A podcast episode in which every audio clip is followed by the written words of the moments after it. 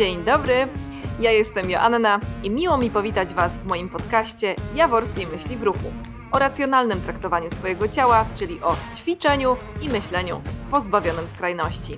Zapraszam do słuchania. Cześć, witam Was w kolejnym odcinku mojego podcastu i nie wiem, czy zauważyliście, szczególnie ci, którzy oglądają to na YouTube, bo przypominam, że jest warstwa wizualna do tego odcinka.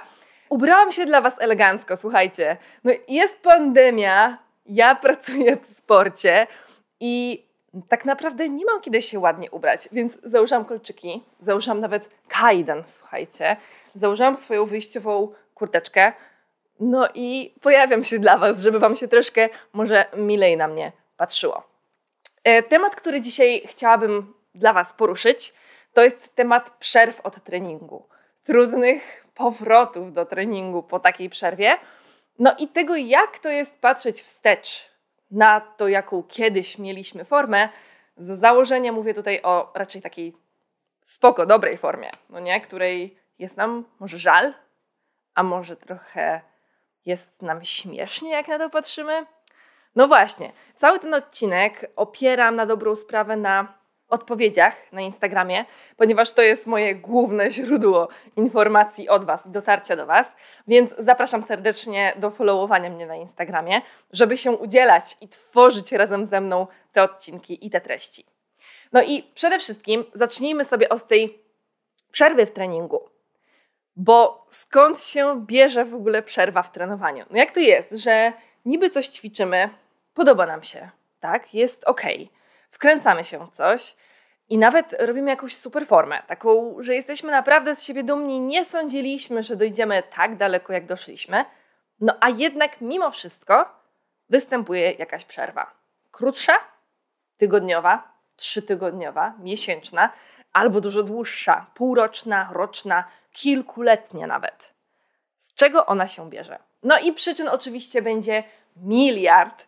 Można by je rozdrabniać i są na pewno bardzo indywidualne, ale chciałabym e, jakoś zebrać to wszystko i pogrupować. Zresztą ja już to zrobiłam, bo mam notatki do tego podcastu, więc opierając się na tych grupach, omówię to z Wami po kolei. Mam nadzieję, że gdzieś odnajdziecie siebie. Siebie, nie siebie.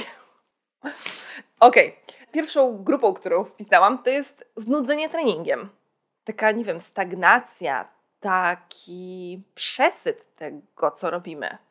Czyli wydaje nam się, albo nie tak, nie wydaje nam się, wkręcamy się w, jakoś, w jakąś jedną dyscyplinę, tak? Niech to będzie, załóżmy, pływanie na basenie. No i pływamy, chodzimy na ten basen trzy razy w tygodniu przez bardzo długi czas. Naprawdę budujemy ekstra formę pływacką, z której jesteśmy bardzo, bardzo dumni. No i tak pływamy, pływamy, pływamy. Może nawet bierzemy udział w jakichś zawodach, ale jakby nie wychodźmy aż tak daleko. Zatrzymajmy się przy tym sporcie rekreacyjnym. No ale zaczyna nam się to po prostu nudzić. Albo dochodzimy do jakiejś y, ściany w progresie. I nie mówię o tym, znaczy, bo ścianę można różnie interpretować. To może być ściana w progresie w stylu, że już nie możemy dalej zrobić, że to albo potrzebny nam jest kolejny trening w tygodniu, na który po prostu nie mamy czasu, bo już i tak dużo trenujemy, albo ciężko jest nam zaprogresować, bo brakuje nam jakiegoś nowego bodźca, albo musielibyśmy zainwestować w jakiegoś nowego trenera i tak dalej, po prostu to powoduje, że zaczynamy stać w miejscu. Ale mówię też o takiej ścianie. Mm, że jakby nie chcemy w tym dalej trwać. Że to znudzenie buduje w nas taką ścianę pod tytułem, no, no dobra, no co dalej? Jakby po co mi to tak na dobrą sprawę? Po co ja to robię? Po co ja chodzę na ten basen cztery razy w tygodniu? Ale wiecie, pod basen podstawcie sobie zumbę, fitness czy jakiś inne, um, inny sport. No i e, to znudzenie jest czymś absolutnie naturalnym, szczególnie kiedy um, dotknęliśmy, czy też zaangażowaliśmy się w jakąś jedną dyscyplinę, czyli chodzimy tylko na siłownię. I to nie jest tak, że zrobiliśmy błąd, że chodziliśmy tylko na siłownię albo tylko na basen, bo na tamtą chwilę tego chcieliśmy i to jest ok. To też spowodowało jakby trwanie przy jednej dyscyplinie, że w tej dyscyplinie zbudowaliśmy ekstra formę. I też nic dziwnego, że potem po jakiejś przerwie patrzymy na tą formę z takim podziwem, no bo byliśmy na maksa w tym wkręceni, tak? Mówiąc na sobie, słuchajcie, no ja trenowałam ketle bardzo, bardzo intensywnie, trenowałam z odważnikami kulowymi przez 3-4 lata nawet. Zdobyłam czerwoną koszulkę tak zwanego top teamu, czyli takich ludzi, którzy zdali egzaminy trudne bardzo, o naprawdę niebotycznej sile i wytrzymałości. Potem zdałam taki międzynarodowy test, który w ogóle był weryfikowany w Stanach Zjednoczonych. No, to niebywała siła, naprawdę niebywała siła, ale fakt, ja świadomie wykonywałam tylko tę dyscyplinę, poświęciłam wszystko inne na właśnie ketle. I czy dzisiaj żałuję? No nie. Czy jest mi smutno? Też już nie, no bo nie, mam już tej siły, nie mam już tej, tych zdolności, nie mam tych umiejętności. Ale do tematu jakby patrzenia wstecz jeszcze chcę, chcę wrócić w, później w tym odcinku. Tylko wiecie, jakby chodzi o to, że nic dziwnego, że zdobywamy ekstra formę w jakiejś dyscyplinie, skoro robimy ją przez cały czas. No tylko, że możemy dojść właśnie do tej ściany, do tego znudzenia, że czujemy, że oprócz tego, że nasze ciało chce innego bodźca, to że nasza głowa chce jakiegoś innego bodźca, albo po prostu przerwy. Czyli czasem ta przerwa nie bierze się z tego, że nie daliśmy rady albo że coś jest z nami nie tak. Czasem po prostu ciało wymusza na nas przerwę w taki sposób właśnie tej stagnacji, takiego wejścia na ścianę, czy też dojścia na ścianę. Ok, więc to będzie taka pierwsza grupa. Drugi, e, drugi temat, e, który mm, jakby powoduje, że przerywamy treningi, przerwamy jakiś regularny ruch, to jest na przykład zmiana priorytetu albo zawsze mieliśmy inny priorytet i on w danym momencie wybił się po prostu na pierwszy front. Czyli mówić na pierwszy front? Na front po prostu. no więc zajmijmy się najpierw tym, że mieliśmy jakiś inny priorytet, tylko że on nie był tak bardzo wyczuwalny. Czyli na przykład zawsze dla nas ważniejsza była praca. Nie jestem zdziwiona, szczerze mówiąc, że praca jest ważniejsza dla kogoś niż treningi, ale okej, okay, no bo mówimy cały czas o rekreacji. No więc ważniejsza była dla mnie zawsze praca, ale praca była jakby taka bardzo, miała dobry flow. Było dobrze w pracy, nie było problemu. Yy, chodziłam sobie do pracy, mówię, ja chodziłam, ja X, jakaś tam Beatka. Chodziłam sobie do pracy, wszystko było spoko. Natomiast na przykład, nie wiem, zmienił się szef albo przejęcie firmy przez jakąś inną firmę, wykupienie czy coś tego typu. I nagle w pracy stała się bardzo nerwowa atmosfera albo jakieś zwolnienia, co powoduje, że mam dużo więcej obowiązków. I to nagle powoduje, że ja muszę zrobić sobie przerwę w trenowaniu, bo nie mam na nie realnie czasu, bo moim priorytetem w życiu na co dzień jest praca. To, żebym jej nie straciła, żebym mogła żyć, żebym mogła funkcjonować, żeby było mnie stać na życie, żeby było mnie stać na tą siłownię czy tego trenera nawet, na przykład, tak? Chociaż będzie on rzadziej brał udział w moim życiu. No więc w tym momencie ten priorytet, który zawsze był ważny, staje się taki bardzo widoczny. I tym priorytetem nie musi być praca, to mogą być dzieci na przykład, które, nie wiem, miałam super poukładaną codzienność z tymi dziećmi, wszystko spoko, mogłam trenować regularnie, ale nie wiem, któreś tam zachorowało, albo nie wiem, niania rozchorowała się, nie mam niani, czy cokolwiek, tak? COVID na przykład. I dzieci już nie chodzą do przedszkola, tylko siedzą ze mną w chacie, no i muszę się nimi opiekować. Więc te priorytety są różne i ja naprawdę życzę nam wszystkim, tak jak mówiłam to zresztą w ostatnim solowym odcinku, żeby trening nie był naszym priorytetem. To nie będzie dobre. Niech on będzie ważny w naszym życiu, bo dotyczy nas, dotyczy naszego zdrowia fizycznego, psychicznego, społecznego, dotyczy naszego funkcjonowania, ale niech on nie będzie priorytetem, ok? Więc e, to dotyczy ten podpunkt tego wybicia się priorytetu, który zawsze był jakby ważny dla nas, no jak to sama nazwa wskazuje ale może nam się zmienić priorytet. Czyli powiedzmy, że trenujemy długo, no bo nie sądzę, żeby w krótkim czasie on się zmieniał, ale trenuję na przykład długo dosyć i po dwóch latach zmienia się moje życie. Na przykład kończę studia, zaczynam pracować. No i w tym momencie właśnie ta praca wkracza na pierwszy, e, pierwszy temat. I e, u mnie mm, tak było na przykład z tańcem. Ja tańczyłam przez ponad 8 lat hobbystycznie. I nie chcę teraz o tym mówić dużo, bo, bo nie o to chodzi, ale no, kochałam tańczyć. Tańczyłam po prostu, chodziłam na treningi 3-4 razy w tygodniu przez e, liceum całe, potem studia, po studiach jeszcze chodziłam. E, nawet o 21 zaczynaliśmy treningi, trenowaliśmy, tańczyliśmy do 23. No, jeździłam na zawody, weekendy, za granicę, warsztaty z ludźmi ze Stanów. No to było super. No tylko, że po studiach, jak wkroczyła u mnie praca, praca trenerki, czyli ja pracuję wtedy, kiedy wy macie wolne, to znaczy, że pracuję przed waszą pracą albo po waszej pracy, plus freelancerzy, którzy fajnie, że wbijają do mnie o godzinie 12 w południe, e, albo jacyś, nie wiem, szefowie, którzy mogą sobie na to pozwolić. Natomiast w większości rzeczywiście pracuję od 6.37 rano do tej 9.10, a potem od mniej więcej 16.17 do późnego wieczora. Dziś już postawiłam sobie tą granicę życia i funkcjonowania jak człowiek i pracuję do 19.30 mniej więcej.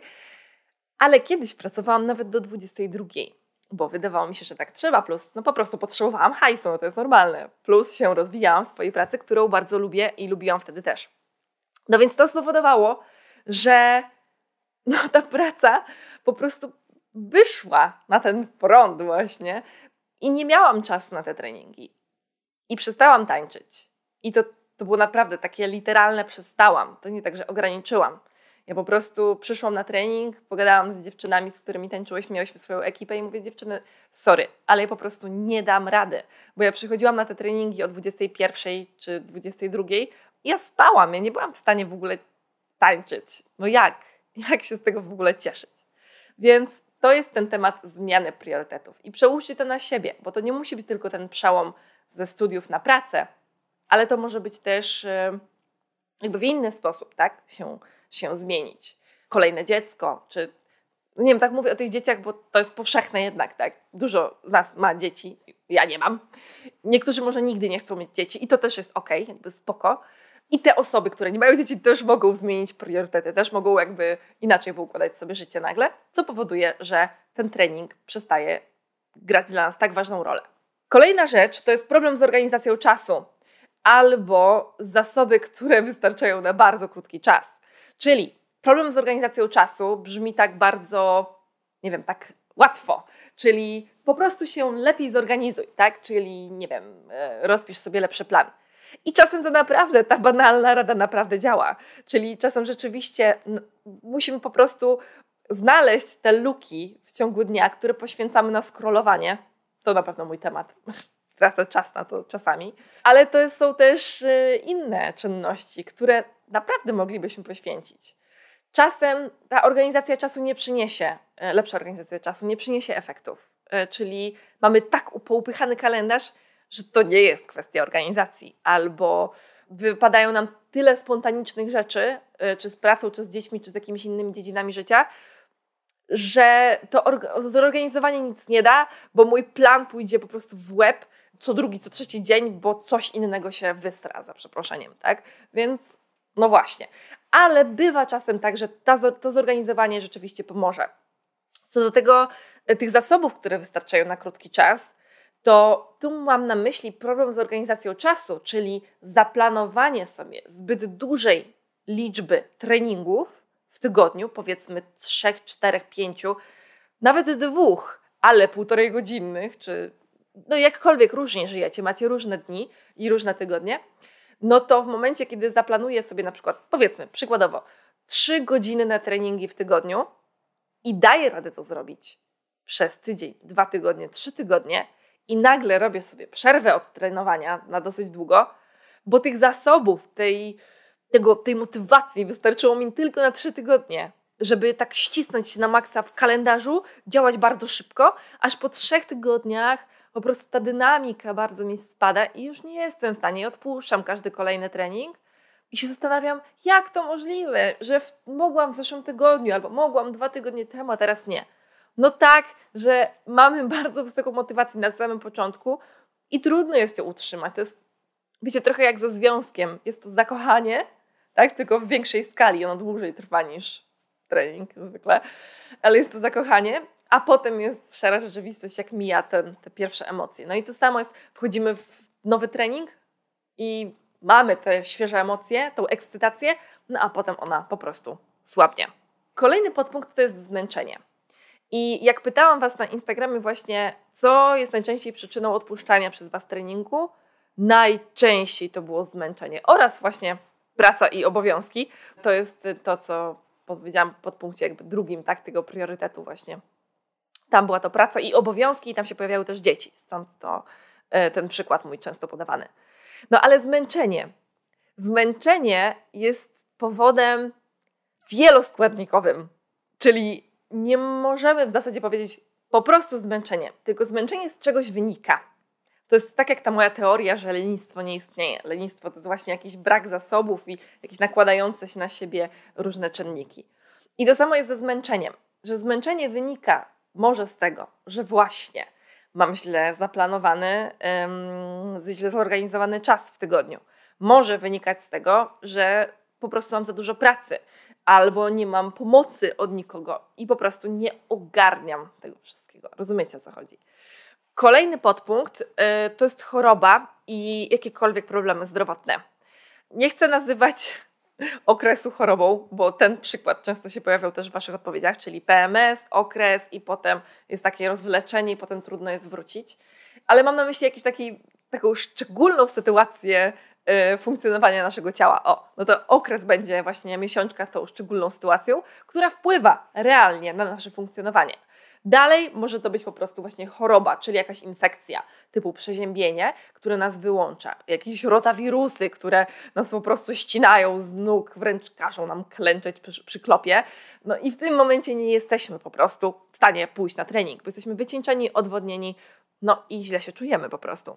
To może być COVID, czyli bardzo powszechny temat e, i bardzo poważny problem tak naprawdę, bo COVID oprócz tego, że trwa jakiś tam swój czas, no to niesie też za sobą konsekwencje faktycznie zdrowotne, które źle wpływają na to, jak funkcjonujemy.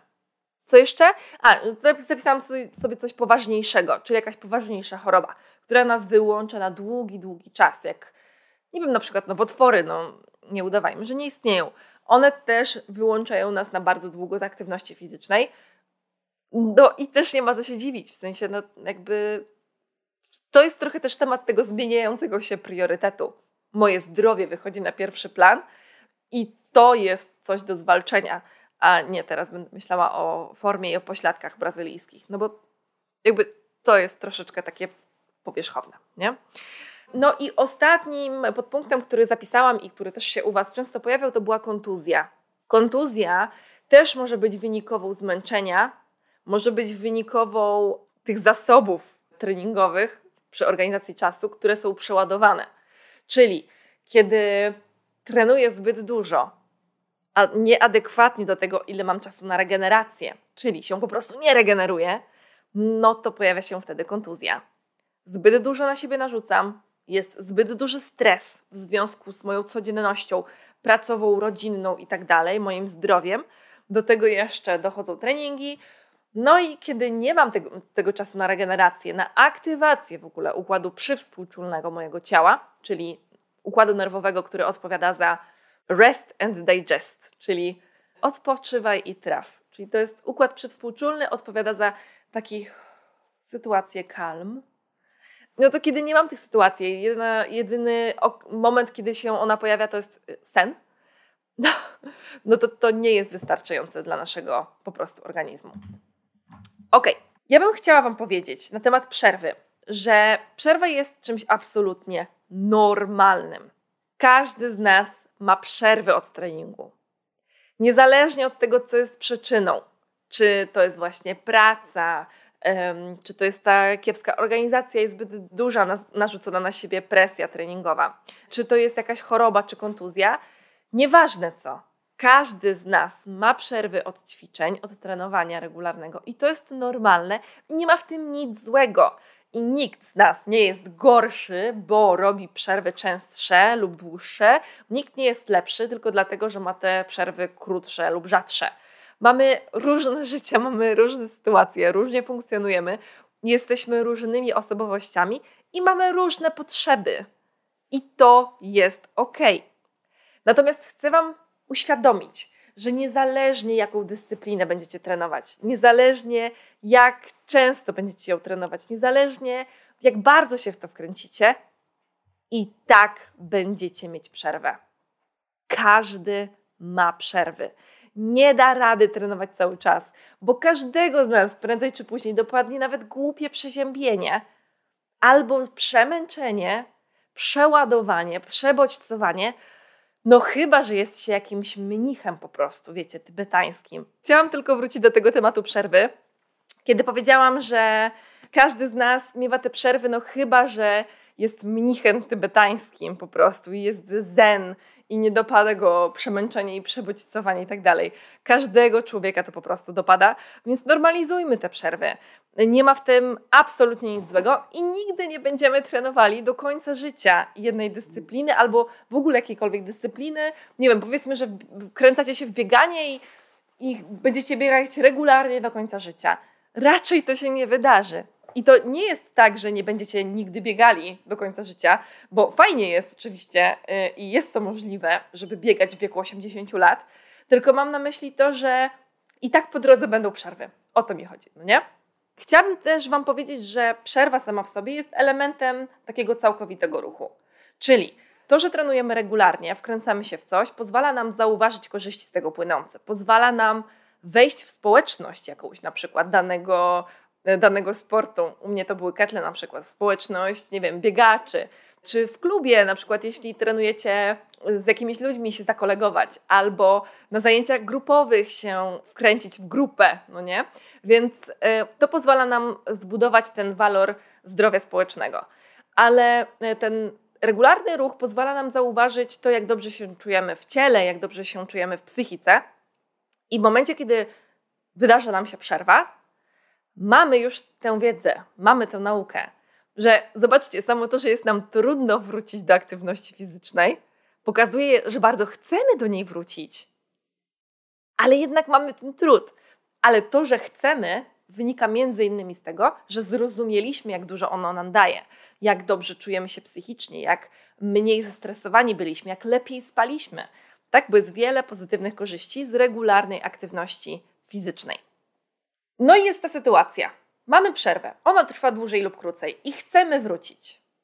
I temat, który też omawiałam na Instagramie. Chcę, bardzo chcę wrócić, ale jakoś tego nie robię. No niby chcę, ale jednak nie robię. No i y, najczęściej wynika, wynika to z jakichś blokad, które się w nas pojawiają, tak zwane konflikty, konflikty wewnętrzne, tak? I one, jakby można je bardzo szeroko interpretować. Omówię z Wami cztery główne grupy tych konfliktów wewnętrznych. Pierwszy z nich to jest zbyt wysoki standard, czyli narzucamy sobie jakiś standard treningowy, czyli na przykład trening tylko godzinny, albo trening na maksa, na zajechanie się, albo trening, kiedy mam super dobry dzień, kiedy czuję się wypoczęta i w ogóle rzeźka i tak dalej a nie zawsze mamy takie dni. I w, w te dni też warto ćwiczyć. No tylko, że to nie jest nasz standard. Moim standardem jest super dobry trening, a żeby on taki był, to ja muszę być w pełni zregenerowana. No i właśnie, ten zbyt wysoki standard jest częstym problemem i on może też wynikać z tego, że ten standard nam się zmienił. Czyli rzeczywiście tak udało mi się trenować, udawało wcześniej, ten, nie wiem, pół roku temu, czy rok temu, czy dwa lata temu, jak trenowałam, to właśnie w tym standardzie czemu nie mogę do niego wrócić? No bo moje życie się zmieniło i ten standard po prostu też się zmienił. Kolejny konflikt to jest konflikt produktywności. I on bardzo się mocno wgrywa w to, o czym mówiłam, o tym zmęczeniu, o złej organizacji czasu. Czyli tak dużo sobie planuję obowiązków, tak dużo planuję sobie pracy, jakby poza tą pracą zarobkową, że nie wyrabiam się już z treningiem, i że chciałabym bardzo ten trening wcisnąć jeszcze, no ale nie mam kiedy, tak? Albo mogę o 22. Kto trenuje o 22? Rozumiem, kończyć o 22. Ja tak teraz kończę jeden z treningów, bo mam takie zajęcia zorganizowane. Ale zaczynać? No jak? Jak? To jest pora, żeby się wyciszać. Melatonina nam się wydziela w organizmie i mamy iść spać. No chyba, że ktoś funkcjonuje w zupełnie odwrotnych godzinach, no to jakby inny temat, ale rozumiecie o co mi chodzi. I czasami Mamy po prostu za dużo zaplanowanego, za dużo chcemy od siebie. I to może się bardzo ładnie połączyć z tym zbyt wysokim standardem. Czyli jeśli planuję trening koniecznie godzinny, a mam tak bardzo zorganizowany czas po pracy zarobkowej, no to to po prostu się nie sklei. Nie ma jak, nie wyjdzie. Więc warto się zastanowić nad tym obniżeniem standardu i lepszym zorganizowaniem po prostu swojego, swojego czasu. No i planować go racjonalnie. Konflikt podporządkowania. E, to jest bardzo ciekawe. Dużo z Was na Instagramie powiedziało, że rzeczywiście go odczuwa. I to jest ta niechęć do bycia przymuszonym. Czyli czujemy zewsząd te informacje, że musisz trenować, albo nie wiem, musisz biegać, albo musisz chodzić na siłownię. A my nie lubimy, jak nam ludzie mówią, że musimy. My nie lubimy, jak nam mainstream mówi, że my musimy coś zrobić. Nie, wtedy mur. Ja? Ja nie muszę. No i to jest absolutnie naturalne. To działa od dziecka tak naprawdę. Na zakazy wszystkie działamy w sposób, że się blokujemy, że się spinamy. Tak samo jak nie wolno ci jeść czekolady i nagle jak nie myśl o różowym słoniu, tak? Nie, nie wolno ci jeść czekolady, nie wolno i myślisz o tej czekoladzie, tak jak o tym słoniu. No i jakby to nie ma sensu. Więc naprawdę nie musicie trenować nic konkretnego. Nie czujcie się przymuszani i ograniczajcie te treści płynące z internetu, z, z, mediów społecznościowych, czy z telewizji, czy z gazet, które mówią Wam o tym, że coś konkretnego musicie zrobić. Albo że musicie mieć płaski brzuch, albo że musicie mieć sześciopak na brzuchu, bo nie musicie, po prostu. No i czwarty konflikt i ten, ten, ta sprzeczność wewnętrzna to jest konflikt tożsamości. Czyli na przykład planujemy sobie właśnie powrót do tego sportu w jakimś dany, danym wymiarze, ale czujemy, że to już nie do końca my, no bo, bo my się zmieniamy, rozumiecie? I czujemy, że to już nie do końca jesteśmy my, że to już nie jest nasza tożsamość, że ja już nie jestem studentką fikającą o 21 na sali tanecznej, a bardzo bym chciała znowu tańczyć. Więc wtedy warto troszkę przewartościować to sobie, zastanowić się, jaką tożsamość mam dzisiaj, jak mogę dzisiaj realizować ten ruch adekwatnie do tego, jaka jestem teraz, kim jestem dziś, bo jestem po prostu inna. Jego można też odczuć w drugą stronę, razem z tym konfliktem podporządkowania, czyli niechęci przymuszenia. Mm, czyli w momencie, kiedy mainstream nam mówi właśnie, że mamy być fit, wysportowani i tak dalej, i nie wolno nam być grubym, e, no to raz, że nie chcemy się podporządkowywać pod to, ale druga rzecz, że czujemy, że to nie my, w sensie to, co wymaga od nas ten mainstream, to, co wymaga od nas społeczeństwo, bycia wszystkie w rozmiarze 36 i w ogóle, wiecie, z. No, no nie, to nie jesteśmy, my nie jesteśmy fit freakami, albo też w momencie, kiedy po prostu nie lubimy tego sportu, nie lubimy ruchu, nie lubimy aktywności. I tu już może nie tyle co w kontekście powrotu do ruchu, ile w ogóle rozpoczęcia od zera, że może ja nie rozpocznę tej aktywności fizycznej od zera, no bo właśnie sport nie do końca jest dla mnie.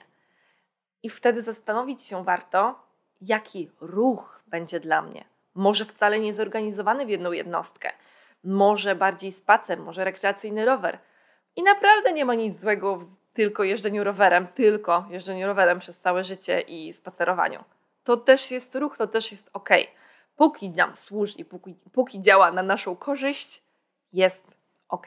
W tym miejscu chciałabym Wam powiedzieć o jednej bardzo ważnej rzeczy, która jest kluczem do sukcesu. Tych kluczy, kluczy jest kilka, to jest, można by powiedzieć, pęk kluczy ale jednym z nich jest wsparcie. Czyli możemy mieć wiedzę na temat tego, jak ćwiczyć, co ćwiczyć i tak dalej. Możemy jakby mieć czas, mieć zorganizowanie do tego, mieć nawet zasoby. Ale bardzo ważnym elementem procesu jest wsparcie. I to może być wsparcie kogoś lub wsparcie czegoś. Co, ktoś lub coś może nas wspierać. To może być ktoś pod tytułem fachowiec, instruktor, trener personalny. No ale w przypadku trenera tak jakby wiemy, że to jest dosyć droga usługa, może nas być na to nie stać, albo nie chcemy po prostu, nie lubimy indywidualnie trenować. To może być instruktor, osoba, która jest wykwalifikowana, ale prowadząca zajęcia grupowe. To mogą być ci uczestnicy z zajęć grupowych. I to wiecie, nie musi być fikanie na sali, step touch, step touch i jakieś tam knee up, czyli standardowy fitness, to nie musi być aquaerobik w czepkach pod wodą. Powiem Wam o sobie. Rzecz, o której jeszcze nie mówiłam w mediach społecznościowych, ale od ponad dwóch miesięcy na maksa się wkręciłam i chodzę na ściankę wspinaczkową. Zapisałam się do sekcji ścianki wspinaczkowej i właśnie raz w tygodniu jeżdżę w poniedziałki na 20 do 22 na zajęcia z wspinania. Strasznie mi się to podoba, ale uwaga, w każdy poniedziałek, jak sobie myślę, że mam jechać na 20, jest zima, po ciemku, na tą ściankę, to mi się tak strasznie nie chce. Ale trzyma mnie to, że jest grupa, że jest te pięć pozostałych osób, bo jest nas sześcioro w grupie, które jakby w jakiś sposób zależą ode mnie. Jesteśmy parzyście, możemy się asystować, tak? Jestem potrzebna do asysty. Kolejna rzecz, że grupa nie pójdzie do przodu z nowymi rzeczami, ważnymi rzeczami, jak na przykład różnymi asekuracjami, póki nie jesteśmy wszyscy, bo potem będzie za trudno nam nadrabiać. E, poza tym mam w sobie tą pamięć, że za każdym razem po zajęciach czuję się zajebiście po prostu. Wracam furą i się cieszę i sobie śpiewam i jest fajnie. I chcę w tym być. Rozumiecie? A mimo wszystko i przed, na parę godzin przed i tuż przed myślę sobie, Jezu, nie chce mi się. No ale właśnie, właśnie to robię, bo mam to wsparcie. Mam wsparcie grupy i mam wsparcie instruktora, który mnie po prostu uczy. I to jest ekstra.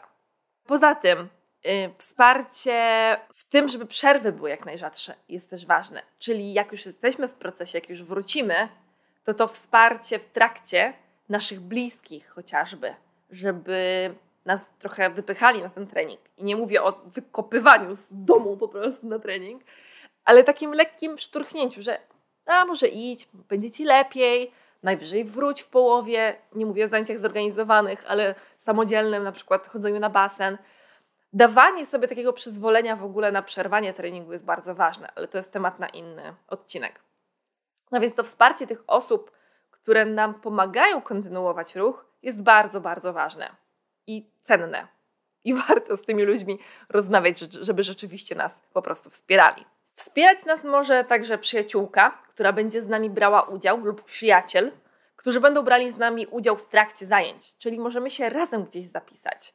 Albo możemy razem chodzić po prostu na siłkę, albo możemy razem chodzić na spacery, na bieganie, Naprawdę dużo łatwiej robi się rzeczy w parze lub w grupie właśnie, z kimś, po prostu. No chyba, że skrajnie nie lubicie towarzystwa, wtedy warto się wesprzeć czymś. I to może być pies. Bo uznajmy, że pies jest czymś, a nie kimś, no bo z nami nie pogada. Więc pies może nas wesprzeć w chodzeniu chociażby regularnie na spacery. Ale jeśli to ma być coś, przedmiot, to to może być przypominajka w telefonie, to może być jakaś aplikacja, która nas wspiera w tym, żebyśmy robili sobie jakieś pomiary w bieganiu i tak dalej. Nie mówię tutaj o takim skrajnym wpadaniu w bierzenie wszystkiego, ale wiecie, generalnie bywa to bardzo, bardzo pomocne i motywujące. Muzyka. Muzyka bardzo wspiera w trenowaniu. Ja to zauważam zdecydowanie, że jak mam gorszy dzień, trochę mi się nie chce i czuję, że to jest taki, że to nie jest przemęczenie, tylko że tak brakuje mi trochę energii i ta muzyka mi tej energii dodaje i robię super trening wtedy, naprawdę często. E, karnet. Karnet na siłownię. To jest trochę wątpliwe, wiem jak to jest, jak w styczniu kupujemy karnety, a potem nic z tego nie wynika i ostatecznie w ogóle nie chodzimy na tą siłownię, tylko karnet jest kupiony jest członkostwo opłacane, ale bywają tacy ludzie, na których to działa i rzeczywiście ich motywuje, więc może karnet na przykład. Poza tym, jeśli mówimy o trenerze personalnym, to będzie zarówno ten element osoby, jak i element finansowy. Tak? Czyli jestem umówiona na trening, głupio mi wystawić człowieka, więc raczej pójdę, mimo że mi się nie chce. A rolą trenera i tak jest dopasowanie treningu do danej formy fizycznej danego dnia. Tak? Czyli jeśli mam słabszy dzień i tak rzeczywiście fizycznie jest mi gorzej, to trener ma za zadanie mi pomóc, a nie mnie dobić. Ale to też jest temat na oddzielny odcinek. No i na koniec obiecany temat patrzenia wstecz, patrzenia na tą dawną formę, kiedy chcę wrócić do tych treningów, albo może w ogóle nie chcę wrócić do tych treningów. No właśnie, jak to jest z tym patrzeniem na tą formę, która była kiedyś? Najpierw powiem o Was. Przepisałam sobie wszystkie te Wasze odpowiedzi z Instagrama One były bardzo różne i ja je pogrupowałam na takie dwie główne grupy. Grupę wrażeń trudnych, wrażeń trudnych i przykrych i wrażeń dobrych, takich dających nam przyjemne odczucia. Zacznę od tych nieprzyjemnych. Bardzo często pojawiało się szkoda mi, że jest mi szkoda, jak patrzę na tą dawną formę. I to jest e, w różnych kontekstach szkoda. E, mam taki cytat: Szkoda, że człowiek się zapuścił. Czyli zarówno jest, może być szkoda, szkoda tamtej formy, szkoda, że już jej nie mam, że tyle pracy na marne, to nie jest na marne, słuchajcie, to jest wasze doświadczenie. I szkoda, że dziś jest tak, jak teraz jest. Chcę Wam powiedzieć, że macie prawo do wszystkich tych trudnych emocji i przeżyć, i to jest w porządku. Warto je po prostu zauważać, pooglądać i pójść dalej, robić swoje po prostu. Nie zapadać się w tych emocjach. Pamiętajcie, że w ogóle myśli to nie fakty. Jeśli myślicie sobie, że wtedy to byłam super, a dzisiaj to jest beznadziejnie, to to nie są fakty. To są wasze myśli. Ok? bardzo często czu, czujecie żal. Żal po tym, co było. Tęsknotę. Tęsknie pojawiało się bardzo często, że tęsknicie do tamtego życia, do tamtej codzienności, do tamtej formy. To mogą być różne przyczyny. Ja myślę, że ile osób, tyle tęsknot. One są na pewno, na pewno bardzo różne. Smutno mi. I smutku było też naprawdę sporo. Smutek, cytat, nie mogę zrozumieć, dlaczego tak już nie jest. To da się zrozumieć. Wystarczy poobserwować, przeanalizować tą codzienność, to życie, co się działo po drodze, bo była jakaś przyczyna tej przerwy. I to nie znaczy, że to głupie, że ta przerwa się pojawiła. Nie, po prostu życie sprawiło, że ona musiała się pojawić. Tak jak przypominam, u większości z nas, oprócz wyłączając z tego mnichów. Umówmy się. E, złość na siebie, no właśnie, złość za to, że przerwałam. Złość, pojawił się, pojawiły się wyrzuty sumienia w tej samej wiadomości. Wiecie, to jest tak, że to, że robicie przerwę, nie świadczy w żaden sposób o Was, ani o Waszej wartości. To świadczy o Waszej ludzkiej naturze. I złość jest dobrą emocją, ważną dla nas bardzo. Złość ma w sobie bardzo dużo energii i można ją wykorzystać. Cytat. Chujowo jak przegryw. Nie, nie jesteś przegrywem, to jest Twoja myśl, a myśli to nie fakty. Przypominam. I to jest tak, że możemy się czuć z tym źle, ale możemy też coś z tym zrobić. Przykro mi, że tego nie widziałam, jaką miałam formę w domyśle i miałam się za grubą. No właśnie, to jest w ogóle inna sytuacja, bo to jest poruszenie tematu tej akceptacji, akceptacji siebie, akceptacji ciała i tego, że nie jesteśmy tego uczeni, raczej jesteśmy uczeni tego, jak się poprawić, poprawić, poprawić, poprawić, poprawić. No nie, nie musicie się cały czas poprawiać. Możecie zadbać o to, jak się czujecie. Możecie oczywiście iść w stronę rozwoju, rozwoju fizycznego, rozwoju psychicznego, rozwoju emocjonalnego. I to jest okej, okay, to jest super. Można by to jakoś zinterpretować jako poprawa życia, ale nie wartościujmy tego, że to jest lepsze, tak? To jest inne po prostu, ok? Czyli może funkcjonujemy lepiej, co znaczy, że funkcjonujemy bardziej zorganizowanie, sprawniej, mamy więcej energii, śpię lepiej, czyli lepiej się regeneruje, E, lepiej funkcjonuje, tak, śpię głęboko, nie wiem, mam lepszą kondycję, czyli mam większą wydolność, ale lepiej nie jako wartość, lepiej jako jakiś rozwój. I to jest fajne, to jest po prostu dla nas dobre. I to będzie zakończenie tej grupy przykrej. I teraz grupa przyjemna, do której ja chcę dołączyć. Już, bo kiedyś nie byłam w tej grupie przyjemnej. I uważam, że kolejność nie jest przypadkowa, bo zwykle z tej przykrej grupy mamy szansę przejść do grupy dobrej i tej przyjemnej. Szkoda mi siebie, forma życia była nienawiścią do ciała. To są bardzo ważne słowa. Myślę, że nie obrazi się autorka, jak powiem, kim ona jest. Y, to napisała mi Iga Wiejak. Dołączam do tego grona. Moja forma życia też była w dużym stopniu nienawiścią do swojego ciała.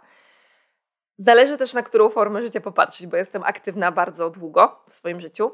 I jeśli chodzi o ketle, nie do końca to była nienawiść do swojego ciała, ale jeśli chodzi o bieganie dużo wcześniejsze, moje epizody anorektyczne, w zasadzie mój czas anorektyczny, bulimiczny, to była świetna forma biegowa, super tętno, ekstra, ale mm, mm, mm, nie.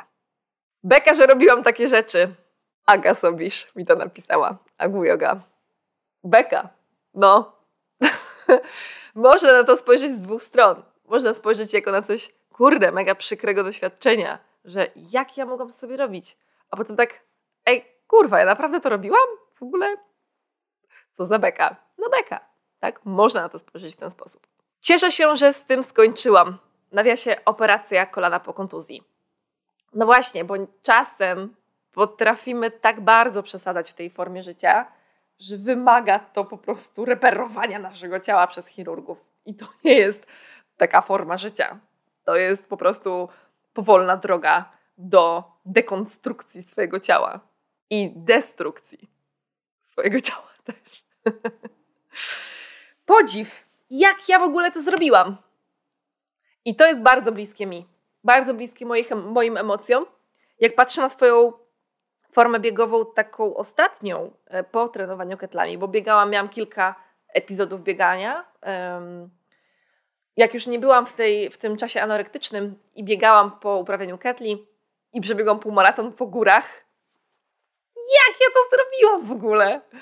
Super, zajebiście. Ej, przecież to byłam ja. W ogóle kozak. Jestem strasznie z siebie dumna. To jest mega fajna emocja. I ja dawniej byłam w tych emocjach przykrych, tych pierwszych. Ja byłam na siebie zła, że już tak nie biegam. Mi było smutno, że już tak nie biegam. Ale teraz sobie myślę, ej, no nie biegam, no bo inaczej wygląda moje życie.